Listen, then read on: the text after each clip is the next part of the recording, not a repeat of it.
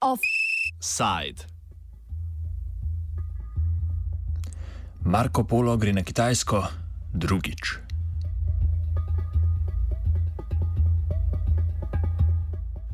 Poročanju londonskega časnika Financial Times bo Italija podpisala memorandum o vključitvi v pobudo En pas, ena cesta ali One Belt, One Road.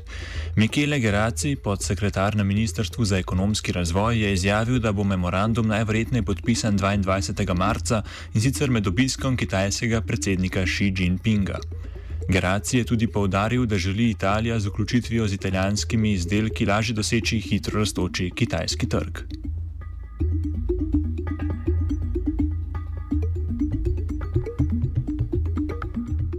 Med evropskimi državami so se v pobudo že vključile številne srednje in vzhodnoevropske države, med njimi tudi Slovenija. Italija pa se bo prva država skupine G7 pridružila kitajskemu projektu predvsem infrastrukturnega povezovanja preko celine in morja z Azijo, Afriko, Bližnjim vzhodom in Evropo. Poteza je že izvala kritičen odziv Združenih držav Amerike, ki kitajsko pobudo interpretirajo kot dobrodejno le za Kitajsko in tako trdijo, da po podpis memoranduma ne bo izboljšal ekonomskega položaja Italije, da pa lahko škoduje njen mednarodni položaj.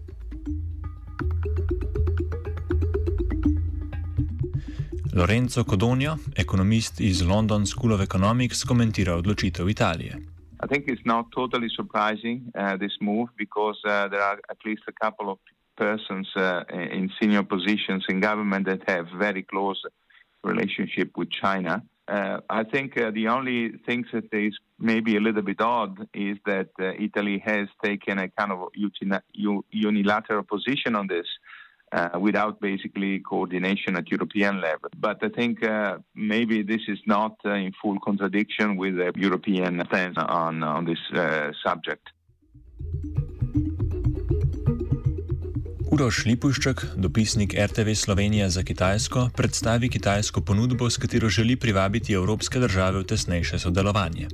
Kitajska je začela v Evropi eno veliko diplomatsko ofenzivo, zato da bi preprečila Združenim državam Amerike, da bi eh, preprečili, da bi Kitajci zgradi, začeli graditi omrežje pete mobilne generacije telefonije v Evropi. No in italijanska vlada eh, je prva prisluhnila tej, tej diplomatski pobudi. Zakaj? Med drugim tudi zato, ker bo kitajski predsednik Xi Jinping eh, koncem meseca obiskal eh, Italijo in Francijo.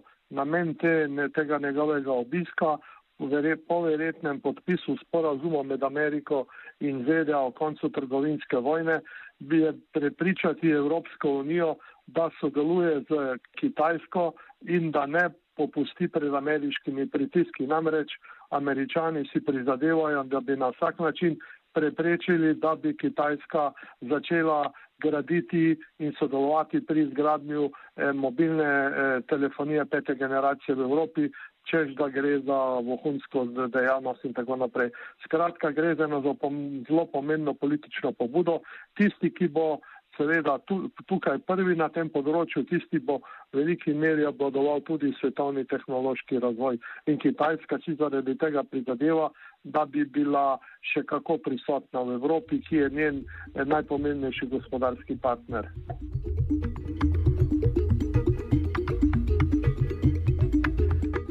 Lipuščak o tem, na kaj bi se kitajski in italijanski investitorji lahko osredotočili znotraj inicijative En pas, ena cesta ta inicijativa En pas ena cesta, to je seveda zelo kompleksna zadeva, predvsem gre za izgradnjo infrastrukture, železniške, cestne in tako naprej, med drugim pa tudi tehnološko sodelovanje in Italija je na tem na, na področju tehnologij zelo močna in lahko bi, če bi Italija pristopila k tej pobudi, prišlo do neke vrste sinergije med kitajskimi in italijanskimi podjetji, da bi skupaj pristopila k Eh, tem eh, strateško pomembnim eh, projektom. Ne, ne gre pozabiti tudi, tudi to, da če bi Italija sedaj, ko bo pristopila k tej pobudi, se bo njen trg bistveno povečal, namreč ker v v tej pobudi. En pas ena cesta je že 68 držav, v katerih je, eh, živi približno 2,4 milijarde prebivalcev, kar pomeni, da bo za Italijo se s tem odprlo eno zelo pomembno novo tržišče. Lipuščak izpostavi glavni pozitivni in negativni vidik italijanske odločitve. Seveda, Eh, učinki, tako pozitivni kot negativni. Pozitivni učinki bodo zato, ker bo Italija dobila neko novo tržišče in da bo sodelovala s Kitajsko, ki je vodilna na tem področju, na nekaterih tehnoloških področjih. To je pozitivna stvar. Negativna je pa to, ker bo Italija verjetno zaradi tega prva na tapeti ameriške eh, administracije oziroma Trumpa, ker ne bo podlegla ameriškim ultimativnim zahtevam, da ne smejo sodelovati s kitajskimi podjetji, predvsem kitajskim podjetjem Huawei. Huawei. Eh, ameriški državni sekretar eh, Pompeo je nedavno dejal, da tista država, ki bo sodelovala s Huawei, bo odrezana od nekaterih zelo pomembnih ameriških strateških projektov. To pomeni, da bo prišlo brez dvoma na tem področju, bo še pre, prelitega veliko črnila in prišlo bo brez doma do sporov in dejstvo je, da bo Italija kot prva prebila let na tem področju. Pogosti očitek Združenih držav Amerike in Evropske unije je, da pobuda za infrastrukturne projekte favorizira kitajska podjetja, da kitajska državam posoja visoka posojila in jih tako spravlja v odvisnost od Kitajske, ter da preko infrastrukturne pobude razširja svoj politični, strateški in vojaški vpliv. Ali bo vstop v inicijativo En pas, ena cesta poslabšal italijansko-ameriške trgovinske odnose? No, I think uh, it's not really something uh, that will undermine, I think, U.S. Uh, uh, Italian relationships. Uh, first of all, this is a very long-term project. Probably will have any, will have no practical developments over the near term. Um, secondly, I think European countries have already undertaken initiatives joining forces with a um, regional fund in Asia uh, and uh, and that uh, happened despite U.S. Uh, opposition. So I think Italy is increasingly taking somewhat uh, independent uh, positions. this is Italy, is also the EU, so it would not be completely surprising. Maybe the U.S. is not happy about this, but I don't think there is much that they can do at this stage. Evropska unija nima enotnega mnenja o kitajskih investicijah, čeprav si Francija in Nemčija prizadevata za poenotenje stališča. Kodonijo komentira, kako se bo Evropska unija odzvala na odločitev, glede na to, da jo je Italija sprejela brez predhodne koordinacije z Evropsko unijo. Well, you know, this kind of initiatives uh, in foreign policy typically needs to be coordinated at European level. Uh, but I think there might be some form of national leeway also for uh, initiative in this in this regard. I think in the past many other countries have uh, have taken initiatives uh, at uh, international level, particularly with China, without really big consultation at European level. So I think. It might be, might still be acceptable, provided it doesn't contradict established policies set up by um, by the EU. Kako pa bo podpis memoranduma vplival na diskusijo o kitajski trgovinski politiki v Evropski uniji?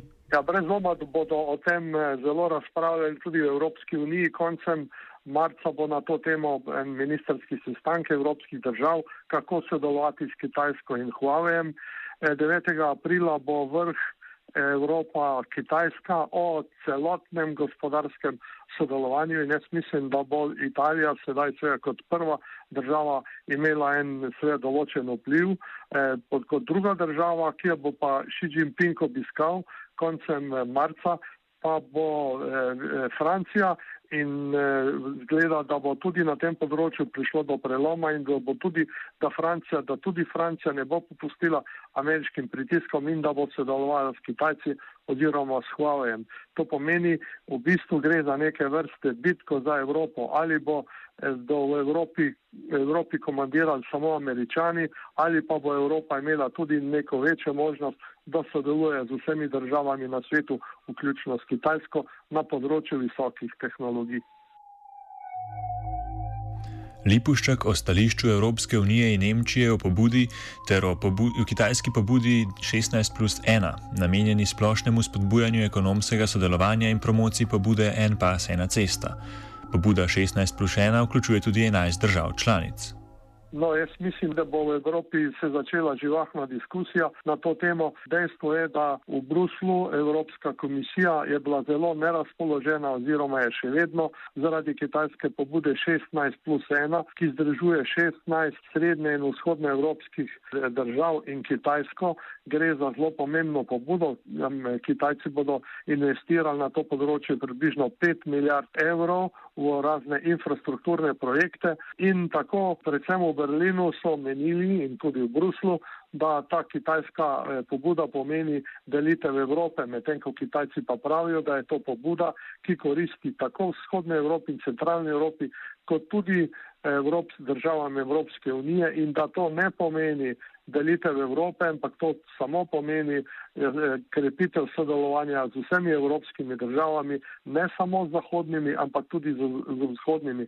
Ker vedeti moramo, da recimo nemška kanclerka je bila eh, v, na kitajskem, di se mi že enajstkrat, Nemci Kitajci zelo dobro sodelujejo in to ni noben problem, kadar pa sodelujejo pa srednje evropske države s Kitajsko, eh, pa postane to za Bruselj problem, kar pa seveda dokazuje, da v Evropi in Evropski uniji vendarle nismo vsi enaki in da so ene države bolj enake eh, bolj enake kot druge. In jaz mislim, da bo to treba preseči in eh, upam, da bo prišlo na tem področju do nekih novih prebojev in da enega vsestranskega sodelovanja, ker brez ekonomskega sodelovanja pospešenega Evrope s Kitajsko bo Evropa začela stagnirati. Lipuščak o političnem vplivu pobude 16 plus 1 in namenih Kitajske, predvsem na področju vzhodno- in srednjeevropskih držav. Brez dvoma, seveda, ta pobuda 16 plus 1 pomeni, da je Kitajska poleg eh, ne samo gospodarsko prisotna v tem delu sveta, ampak seveda tudi politično.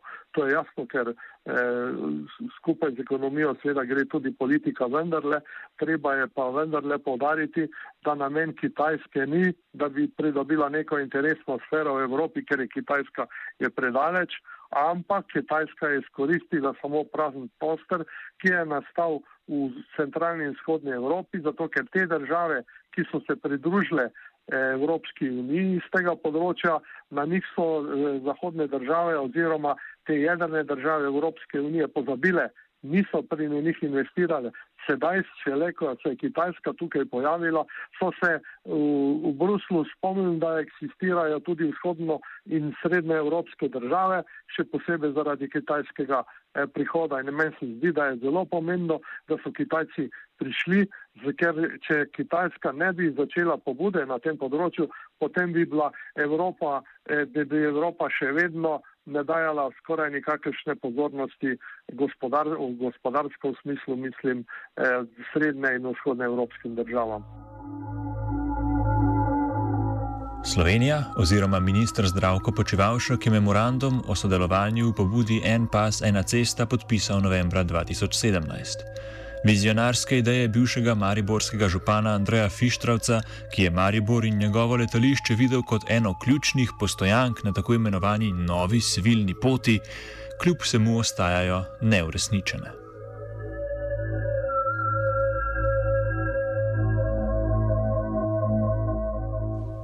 Po poti italijanske odločitve je potovala Geja.